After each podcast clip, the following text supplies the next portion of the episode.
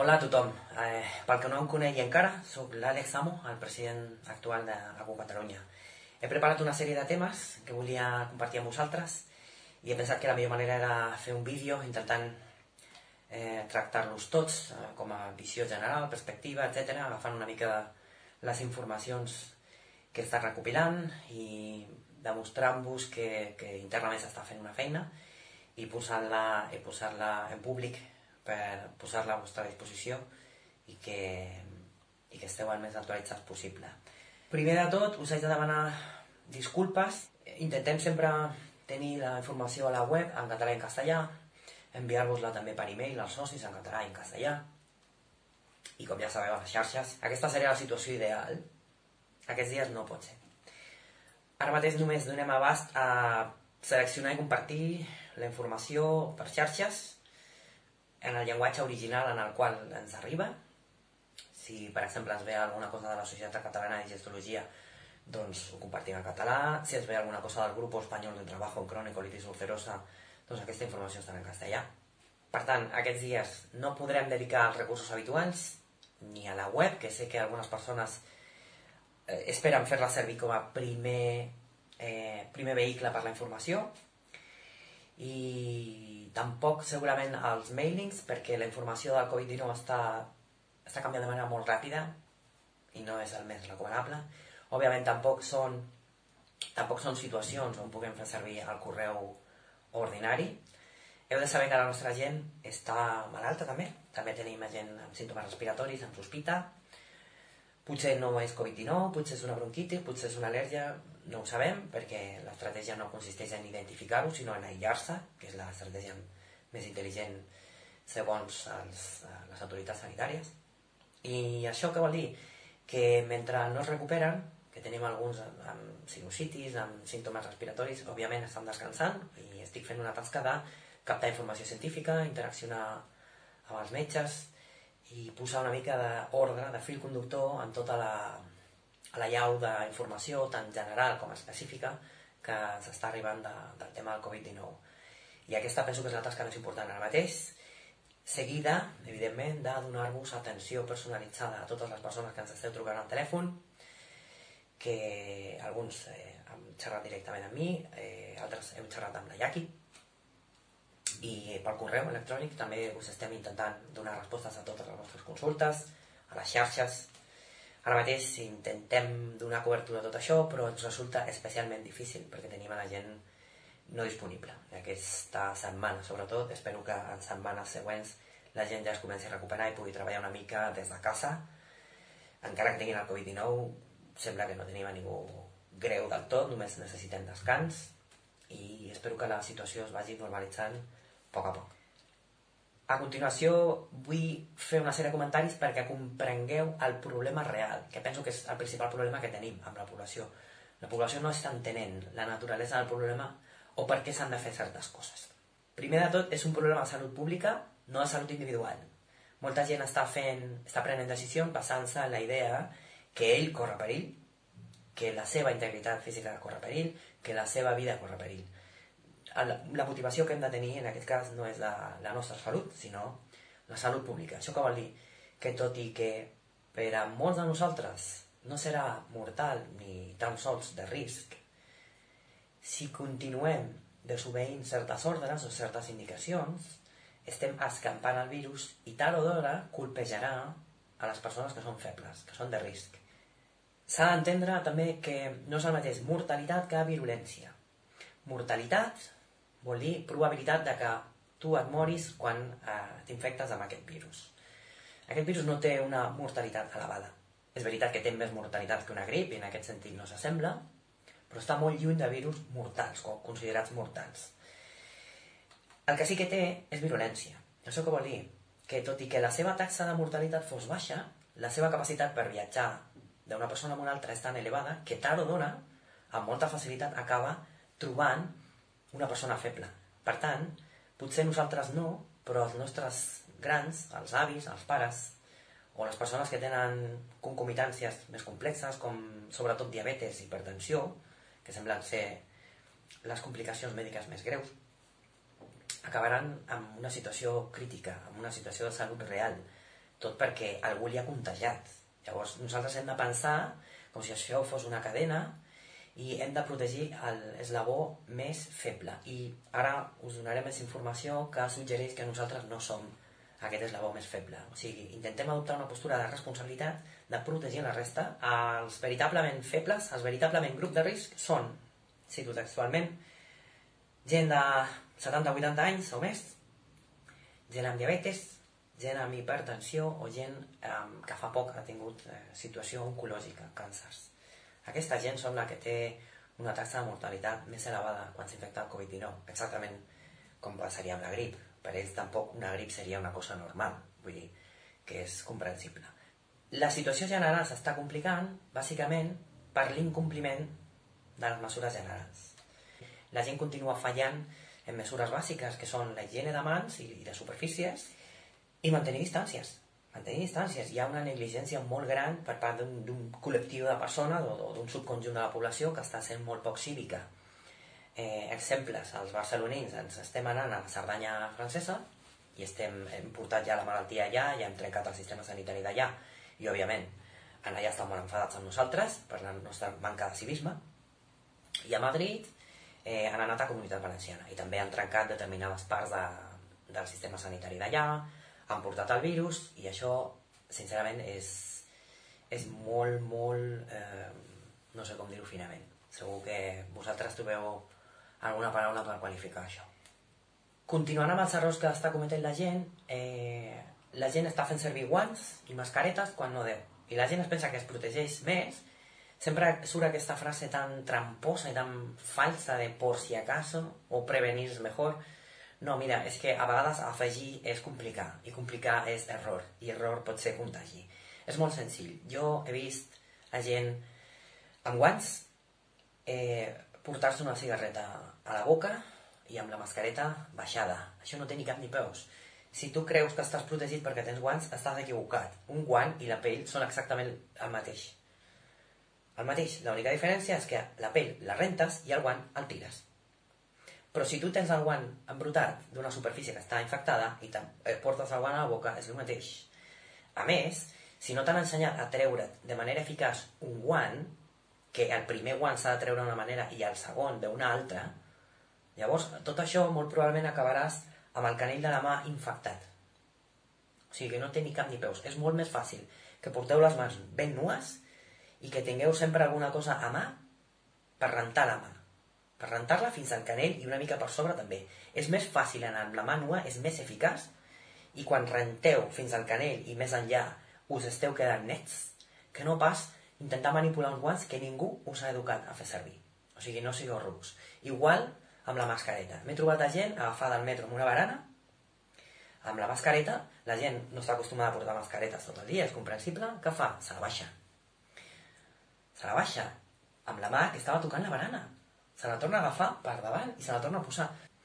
Portar una mascareta per això és forçar més vegades portar-se la mà a la boca. No necessiteu la mascareta si no esteu en situacions molt complicades de gent molt a prop, que esteu obligats a estar a prop de gent, o coses molt concretes.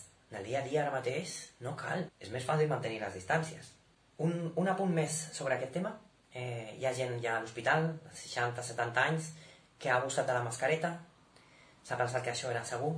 I com dèiem l'altre dia amb l'entrevista a Maria Esteve això els hi va donar una falsa sensació de seguretat i ara mateix estan ingressats en determinats hospitals de, de Barcelona amb pneumònia severa. O sigui, no cometeu aquests errors, sisplau. Coses que hem fet a Catalunya, mesures que hem pres dintre de Catalunya, molt senzill, és bàsicament el mateix que fa la resta. Primer de tot hem tancat l'oficina, ara mateix eh, no entra gent de fora a l'edifici, només entrem cares conegudes, i, i no, no entrem més que d'un en un o com a molt de dos en dos a les nostres oficines. No estem atenent a gent, demanem disculpes per les molèsties que això us pugui ocasionar. I, bueno, és, és una mesura comprensible com a molts altres llocs. Intentarem continuar amb el telèfon, amb el correu, etc. Però presencialment no podem acceptar visites dintre de l'associació fins a nova ordre. Tanmateix, eh, també hem hagut de cancel·lar, lògicament, les activitats, tallers de sexualitat, de com preparar informes mèdics pels tribunals, els grups d'ajuda automatitzats, etc etc. Totes les activitats en general estan suspeses per motius evidents fins a nova ordre. Intentarem mantenir-vos informats de, de tot això. A continuació intentaré comunicar de manera resumida tota la informació que he agafat dels diferents eh, grups i societats des del nivell català fins al nivell internacional, des de la IOIBD, que és l'Organització Internacional de Malaltia Inflamatòria Intestinal, fins a la Societat Catalana de Digestologia, que és la nostra societat científica aquí a nivell català. Eh, també les autoritats en matèria de salut a nivell català i a nivell espanyol, i veure que, en resum, tot és eh, de sentit comú i totes les mesures i tots els comentaris i comunicats van molt a la mateixa, a la mateixa línia. Primer punt, que, que és un punt comú a tots els comunicats, a totes les societats i organitzacions, només hi ha dues mesures per evitar el contagi, higiene de mans i superfícies i eh, mantenir distància. La primera és molt senzilla d'explicar, sabem que, el, que el, el virus té una cobertura lipoproteica, això vol dir que qualsevol agent antigreix l'inhabilita, per tant, el Fairy probablement és el antivirus anti-Covid-19 més potent que teniu a casa ara mateix. També el KH7, perquè també és un potent agent antigreix. Això té una explicació científica, eh, a qui li interessi ho hem compartit a les xarxes, però de moment el que podeu fer és eh, agafar agents antigreix, sabó, eh, qualsevol d'aquests productes que he comentat, servirà, servirà completament. Això per la higiene de superfícies o per la higiene de mans seria perfecte. També teniu els hidroalcohòlics, els gels, també poden servir. Han de tenir un 70% de, de concentració alcohòlica perquè siguin efectius. Si compreu un gel hidroalcohòlic, mireu d'assegurar-vos que, que, té, que té la xifra d'alcohol i que és aproximadament un 70%. Totes, de totes maneres, sempre que pugueu, és millor el sabó. Altra cosa que hem de comentar, la campanya Queda't en casa, la fem tots col·laborant en grup, els joves, tots els joves de, de totes les ACUs de, de tota la Confederació, de tot l'ecosistema d'ACU, eh, tota la gent que pertany al món sanitari, tota la gent que està responsabilitzada i conscienciada amb el tema és queda't en casa. Avui el, el lema ha de ser aquest, quedar-nos a casa, maximitzar el temps a casa, només fer sortides necessàries, segur que això ja ho heu sentit, o sigui que no faré massa, massa incapeu en tot això perquè segurament ja, ja us ha arribat de moltes, de moltes fonts. Super important, ús racional dels recursos. M'han arribat comentaris i queixes del 061 i el 112. Aquests telèfons són per gent que s'està ofegant. No per tengo miedo de que me infecten el COVID-19 en el treball. Senyors, això no. Això, això s'ha de consultar amb els metges, eh, si sou pacients de risc o no, si heu d'anar a treballar o no, això ara ho comentarem una mica més endavant, però si us plau, no satureu els sistemes amb aquesta mena de consultes.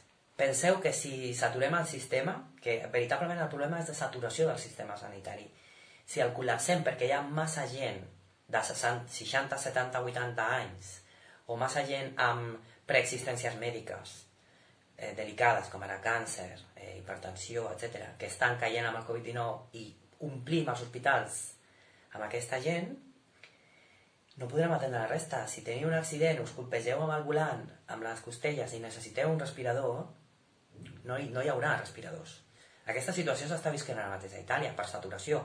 A Lombardia, que és la regió amb més qualitat del sistema sanitari de tota Itàlia, ara mateix estan saturats i estan fent servir estratègies mèdico-militars, és a dir, estan fent triatge. Estan triant qui ha de viure i qui ha de morir, perquè no hi ha recursos per atendre a tothom. Volem evitar aquesta situació. Arribar a estratègies de triatge és molt delicat. És, és a dir, Tenim recursos limitats i només els podem invertir en gent que tingui probabilitats raonables de sobreviure. I haurem de deixar morir els nostres grans. Penseu en això. Teniu pare? Teniu avi?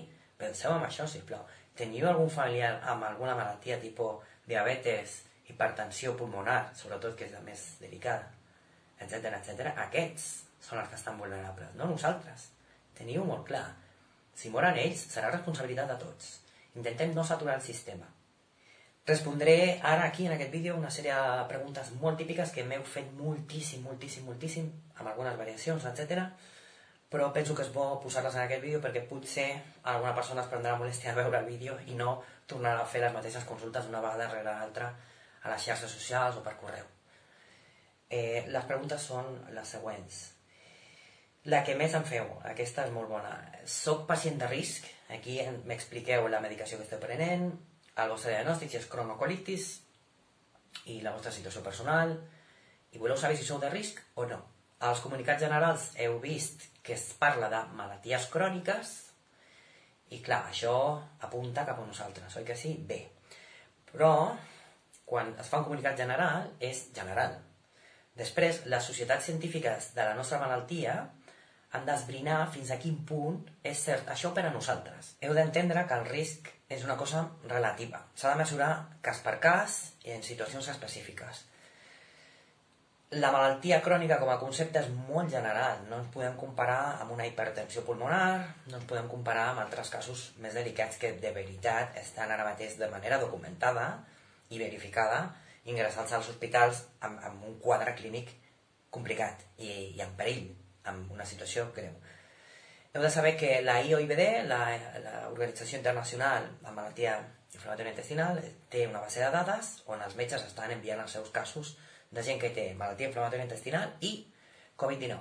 N'hi ha molts poquets casos i els que hi ha sembla ser que estan evolucionant amb normalitat. Normalitat vol dir, doncs ja sabeu els símptomes, el dolor muscular, la sinusitis, eh, potser alguna dificultat lleu per respirar, en el pitjor dels casos, i la febre, que té un patró erràtic, que ràpidament es pot posar en 38 i mig, 39, o també pot no aparèixer. Per tant, és una mica la barreja dels símptomes el que ens diu si estem o no infectats. Però, sobretot, sobretot, heu d'entendre que el risc, quan parlem de risc, eh, en aquest context és risc de complicacions. Complicacions vol dir pneumònies que requereixen ingrés i que potser podrien eh, complicar-se una mica més fins a risc vital. Però això és molt poc probable. Amb tota la informació que tenim, des de la Xina, des de desembre, a tot el món que s'ha escampat tot això i la base de dades internacional on s'estan ficant els casos i tothom cursa amb normalitat, de moment no hi ha evidència de que haguem de patir tant. Això no vol dir que no prenguem, que no prenguem mesures i que no les extremem hem de tenir bona higiene de mans, hem de ser escrupulosos amb les distàncies, hem d'evitar tot el que hem parlat abans, eh, tots els viatges, el sortir a casa, etc etc. té sentit. És veritat que prenem medicaments que s'entenen com a immunodepressors, però també heu d'entendre que les immunodepressions també són relatives. Nosaltres podem tenir, eh, podem estar prenent una medicació que ens complica davant d'una bactèria, per exemple, els biològics, ja sabeu molts de vosaltres que ens fan proves contra la tuberculosi, té sentit, perquè sabem que els biològics ens deixen molt febles, perillosament febles, davant d'una tuberculosi, però això no vol dir que siguem incompetents, immunològicament parlant, davant d'una cosa completament diferent com és un virus. La immunologia és complicada, és una cosa que s'ha de mesurar cas per cas, i a vegades heu d'entendre que els virus agafen parts del nostre cos i les giren en contra nostra. Per tant, a vegades aquesta manca d'elements o aquestes particularitats o anomalies o deficiències a les nostres cèl·lules o al nostre cos poden servir, paradoxalment, per defensar-nos o perquè el virus no pugui entrar o no pugui reproduir-se. Per tant, no ens posem automàticament amb el grup de risc més gran, de risc vital de moment no ho sembla, no som l'eslabó més feble d'aquesta cadena, això està clar. La gent que està en risc vital tenen altres diagnòstics i tenen altres edats.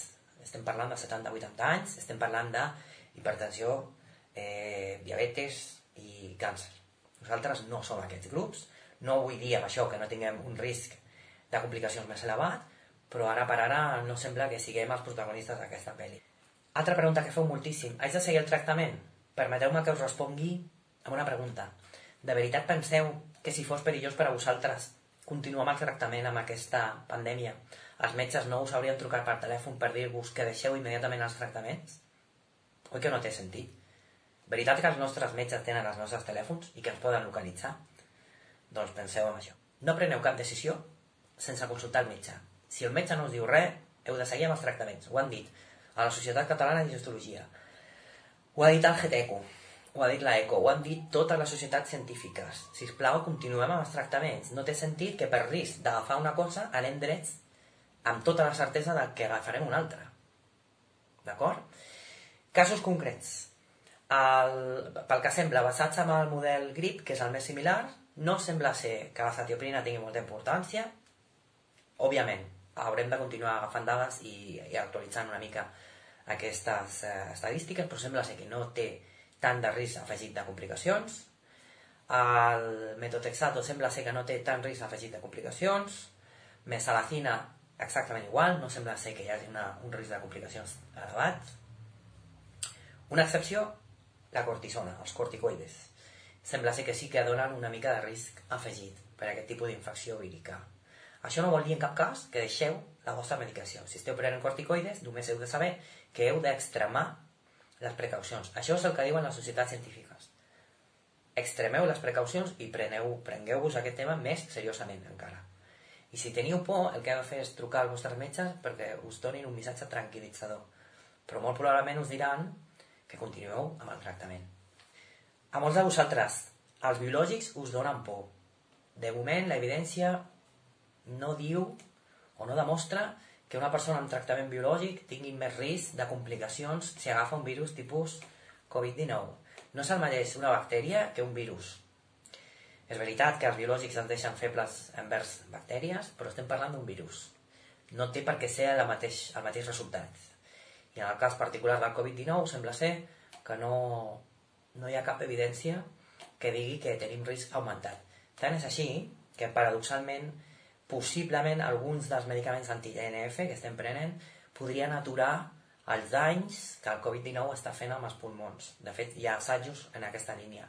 Això és ciència avançada, ara mateix està en fase d'assaig clínic, ja es demostrarà o no, hi ha un parell de medicaments que sembla que tenen un efecte protector, però bueno, com a curiositat està bé saber-ho per demostrar-vos que no sempre deixar un medicament que és, nosaltres entenem com a immunodepressor és una bona idea per pujar les nostres defenses. Això és molt més complicat que tot això. Aquesta història de que les defenses pugen o baixen és l'explicació simplona que li donem als nens a naturals, a ciències. Però nosaltres ja som adults i hem d'entendre, humilment, que la medicina és molt més complicada que tot això i que els nostres metges ja saben el que es fan i que estan investigant a marxes forçades per obtenir la màxima informació possible el més aviat possible per fer bones eh, tries de medicació i per prendre bones decisions en cada un dels casos eh, dels seus pacients, que som nosaltres. Altra pregunta típica. Haig d'anar a visita de seguiment? Probablement no.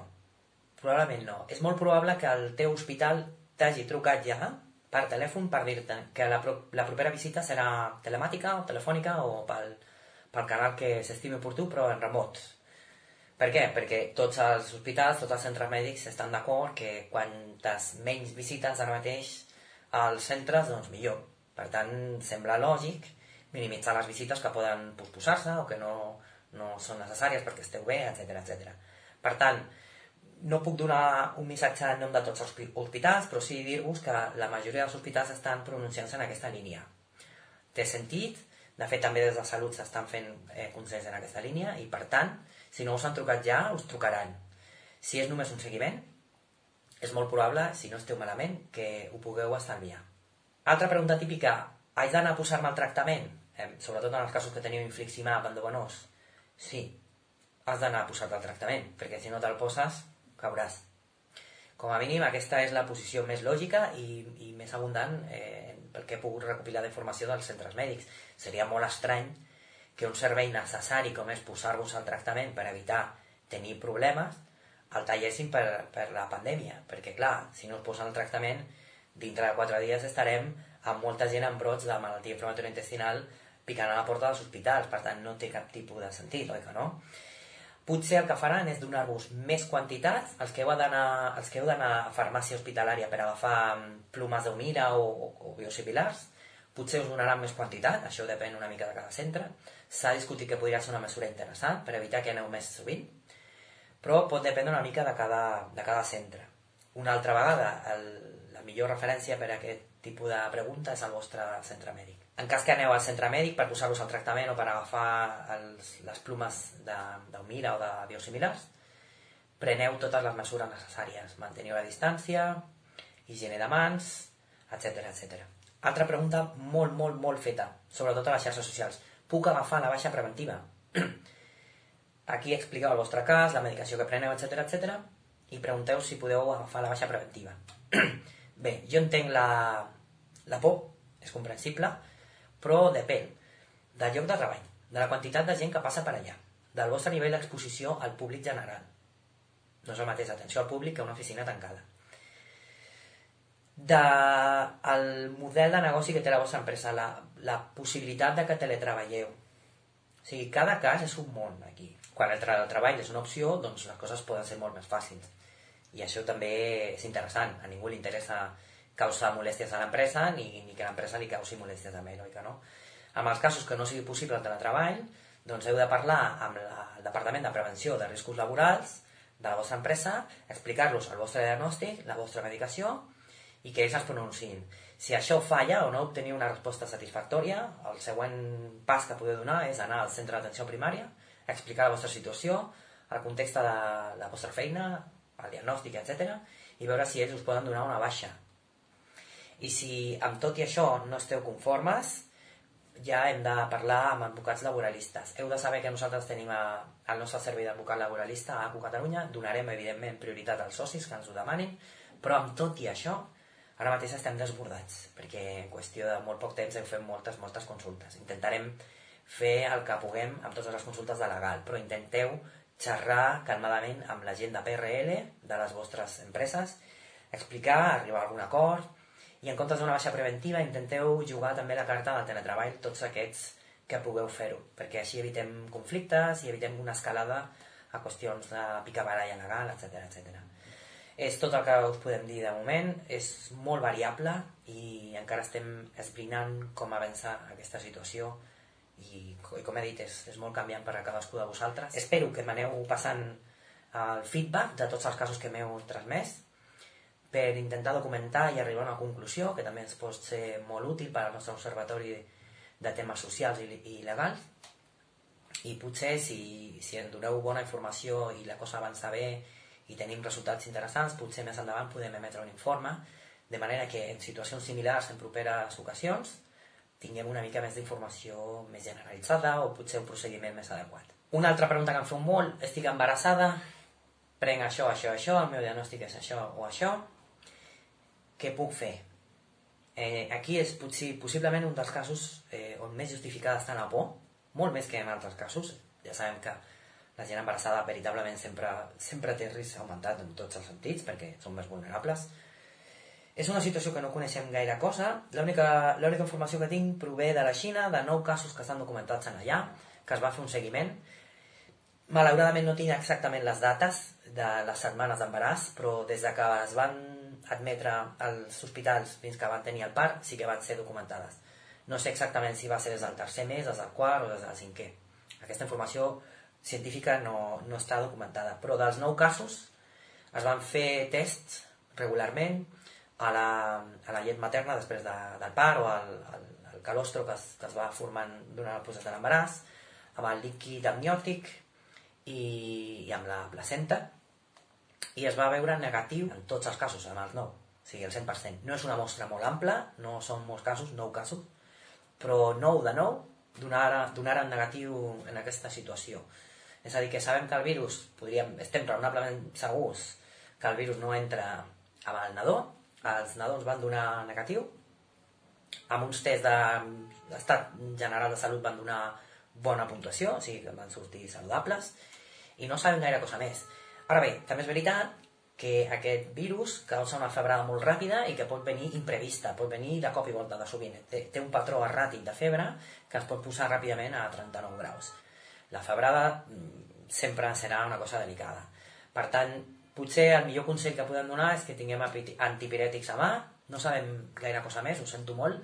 Si hi ha informació mèdica actualitzada d'aquest tema, sé que li interessa a molta gent que està embarassada ara mateix, i intentaré, intentaré mantenir-vos actualitzats. Aprofito per resumir també una mica la situació científica. Això no es tradueix tant en coses que hagueu de saber o fer, però els que teniu curiositat, una mica en unes dades a nivell general. Eh, primer de tot, heu d'entendre que falta informació molt específica. Encara estem recuperant informació generalitzada d'aquest virus i de com es comporta. I tenim dues opcions.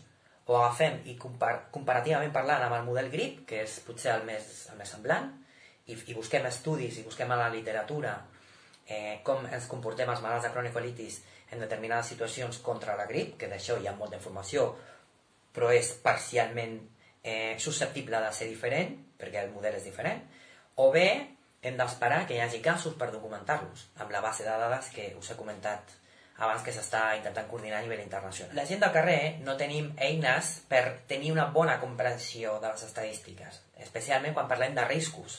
Quan ens donen una xifra no tenim ni la més remota idea de si això és molt o poc, però quan el desenllaç ens espanta, tenim certa tendència a maximitzar el resultat. Per això, com ens dona molta por el Covid-19, estem maximitzant el, la percepció que tenim del risc de que ens passin coses dolentes. Per això és molt bo que donem també una altra xifra que és molt, molt interessant. 74.000 recuperats. Això és el 47% de la gent. És a dir, que gairebé la meitat que ha tingut el Covid-19 ja està recuperada.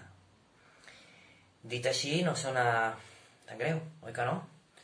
Oi que des del punt de vista de la loteria fem, fem coses molt més arriscades, com comprar un número de 10.000 i encara esperem que ens toqui, oi?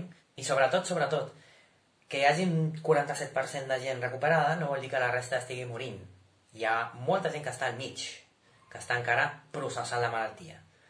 Només el 3,7%, recordeu, només el 3,7% ha causat baixa per contraure el Covid-19. Assajos clínics. Eh, N'hi ha més de 80, l'última vegada que van comprovar, ja deu haver camí de 100. Els assajos clínics es fan de la manera més ràpida i accelerada possible perquè puguem disposar més aviat de les, dels medicaments o de les vacunes que, que s'estiguin assajant. Dintre d'aquests assajos tenim medicacions de suport, que són medicacions que no fan fora el virus però ajuden a controlar les reaccions dolentes del cos per deixar espai perquè el cos faci fora el virus mitjançant els seus propis mecanismes. Altres medicaments, evidentment, busquen l'efecte antiviral, és a dir, fer fora directament el virus el més aviat possible. Hi ha medicaments antics que sembla ser que poden tenir efectes interessants. Quan passen aquestes coses, el que fan els laboratoris és buscar revisar el seu armament de molècules o de, o de substàncies que ja tenen desenvolupades i intentar assajar per, per aproximació, intentar identificar quines d'aquests principis actius o molècules o medicaments podrien servir contra aquest, aquest patogen nou i els intenten aplicar in vitro. In vitro vol dir que no es fa dintre d'un ésser humà, sinó que s'assaja a laboratori. Quan tenen més o menys una llista de possibles medicaments que funcionen o que podrien funcionar, demanen fer assajos en persones. Òbviament, òbviament també hi ha la possibilitat de desenvolupar aquests fàrmacs des de zero, però el que fan les farmacèutiques és intentar aprofitar substàncies que ja tenen. La farmacèutica japonesa Takeda, un, per ser un dels nostres patrocinadors any rere any, està ja treballant en un antiviral que sembla ser que està desenvolupant des de zero i la xinesa Anges també està treballant o ha, ha comunicat que començarà a treballar en una vacuna antiviral contra el Covid-19. Per últim, un llistat ràpid de recursos que us, us recomanem que seguiu. El que no tingui instal·lat el Telegram és un molt bon moment per instal·lar-lo, és una aplicació mòbil molt senzilla, tipus WhatsApp, però amb algunes possibilitats més. Concretament hi ha una possibilitat que és la dels canals. Els canals són llocs on nosaltres fem una subscripció, entrem com si fos un grup de, de WhatsApp, però no podem parlar, només rebem en directe la informació de l'administrador d'aquest canal. Hi ha canals molt bons, per exemple, el del Ministeri de Sanitat, evidentment és una institució gran, amb la informació de primer nivell, i, i és la institució que més ràpidament i amb més abundància ens està donant bona informació sobre el Covid-19. No només això, sinó que estan passant consells, de, consells fins i tot simpàtics, diria jo, de com podem eh, tenir algunes idees per estar amb els nens a casa, per entretenir-nos, etc etc. Eh, explicar als nens la higiene de mans, algun vídeo que és molt, molt pedagògic, està molt bé i jo us recomano que seguiu. L'Hospital de Bellvitge també té un canal de Telegram, jo estic connectat en allà, molt bona informació, abundant, un parell de publicacions per dia, potser, també, qualitat i, evidentment, no podíem esperar menys d'una unitat que està certificada eh, i que té els criteris de qualitat com a unitat de malaltia inflamatòria intestinal. També us recomanem que la seguiu, encara que no sigueu pacients de l'Hospital de Bellvitge, està molt bé. òbviament hi ha consells pels seus, eh, pels seus pacients respecte a les visites, etc que no seran de la vostra utilitat, però també hi ha informació general que es pot ser molt interessant. El Canal Salut de la Generalitat, canalsalut.gencat.cat. En allà el que fa la Generalitat bàsicament és tenir els últims comunicats actualitzats amb els consells i infografies i alguna coseta més. No és tan dinàmica, potser hi ha una... Els últims tres dies hi ha hagut una publicació per dia, però és també informació molt actualitzada que sol anar en consonància amb la que trobeu al Ministeri de Sanitat. La web del GTQ, Grupo Español de Trabajo en Cronicolitis Ulcerosa. La web del GTQ eh, té normalment el comunicat més actualitzat possible de posicionament científic dels nostres metges a nivell d'Espanya en matèria del que està passant amb el Covid-19. Per tant, sempre és una bona idea revisar no només a la web, sinó a les xarxes socials. Ells estan al Twitter i els podeu seguir també per allà. La Societat Catalana de Llestologia. Heu de saber que, tot i que a la seva web potser no hi ha tant de moviment, estan al Twitter i en allà sí que comparteixen també bons consells, informació actualitzada, etc etc. I sobretot, eh, part de, dels metges que treballen per la Societat Catalana de Histologia també estan treballant pel Grup Espanyol de Trabajo de Cronicolitis Ulcerosa i a la seva vegada també estan treballant per la ECO, eh? és la, diguem la institució a nivell ja europeu, l'autoritat a, nivell europeu en matèria de malaltia inflamatòria intestinal. El que estan fent és intentant treballar en bloc, evidentment, molts metges formen part de totes les societats al mateix temps, és comprensible, i per tant eh, podríem dir que el GTQ, diguem que té la informació més actualitzada i adequada en castellà, i la Societat Catalana de Gestologia trobareu molta informació molt similar en català. Òbviament, l'ecosistema ACU també té alguna cosa a dir en tot això. Nosaltres estem concentrant tots els esforços de totes les ACUs del territori, totes, penseu que som un ecosistema, que en situacions complicades com aquesta treballem en equip, en equip fem pinya, i estem concentrant tots els esforços de comunicació, documentació científica, interacció amb les societats científiques a la web d'Acu Espanya i als comptes d'Acu Espanya. Nosaltres, des dels de, perfils de les ACUS, també farem ressò d'aquestes comunicacions que fa ACU Espanya, però heu de pensar que tots els esforços d'ACU Espanya són un reflex del de, treball conjunt dels presidents, secretaris, voluntaris, etc etc de diverses ACUs que treballem en un espai conjunt amb la Confederació per donar-vos la millor informació possible. I res més, eh, vull aprofitar per donar eh, per, per expressar el nostre agraïment com a societat de pacients i suposo que en nombre de tots vosaltres, que sou els pacients i els interessats, vull transmetre el meu agraïment al personal sanitari en general, al personal de neteja, que també està molt involucrat aquests dies i, i que està exposat. No ens hem d'oblidar d'ells, també estan treballant als hospitals. I també hem de dir que les caixeres i el personal dels supermercats està patint molt. Eh, sabem que hi ha personal de reposició que ha sortit plorant aquests dies de irresponsabilitat cívica on la gent ha arrasat als supermercats, eh, estan exposats en contacte amb tot tipus de superfícies tot el dia, de tota la gent, i estan patint molt.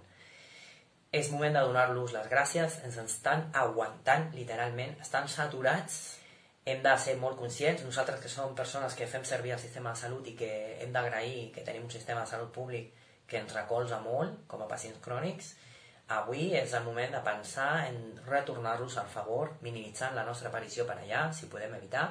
Encara que tinguem símptomes, recordeu, si no són greus, si podeu respirar, el més intel·ligent és quedar-vos a casa, ja ho sabeu. Òbviament, teniu els telèfons i teniu les emergències quan veritablement són necessàries, és a dir, quan teniu problemes per respirar. En aquest cas, no dubteu en fer servir els serveis de, de salut d'emergències. Preneu-vos molt seriosament els consells que s'estan donant, Ara, a partir de demà, demà dilluns, eh, tindrem una situació excepcional i haurem de ser molt seriosos amb aquest tema. I sobretot, sobretot, sobretot, vull donar les gràcies a aquests metges que aquests dies m'han estat donant suport telefònic quan he hagut d'atendre de manera excepcional a pacients a casa seva de manera domiciliària, intentant donar-los suport bàsic en un moment en el que no podien anar als hospitals perquè la situació era arriscada i estem parlant de persones que tenen complicacions addicionals, no només cronicolitis. Per tant, tenien molta por d'anar als hospitals, comprensible, i, i he intentat donar-los suport, però no ho he pogut fer, no ho podria fer mai sense l'ajuda d'aquests metges, ells saben qui són, que m'han pogut ajudar i que han decidit ajudar-me telefònicament en tot moment aquests dies que he estat visitant a pacients. moltíssimes gràcies especialment a ells i a la resta, com he dit abans, moltíssimes gràcies a tots. Res més per la nostra part, esperem que, que aquest vídeo satisfagui les vostres inquietuds i respongui les vostres preguntes més elementals. Per la resta sabeu que intentarem continuar donant-vos suport per correu i per telèfon i seguim en contacte.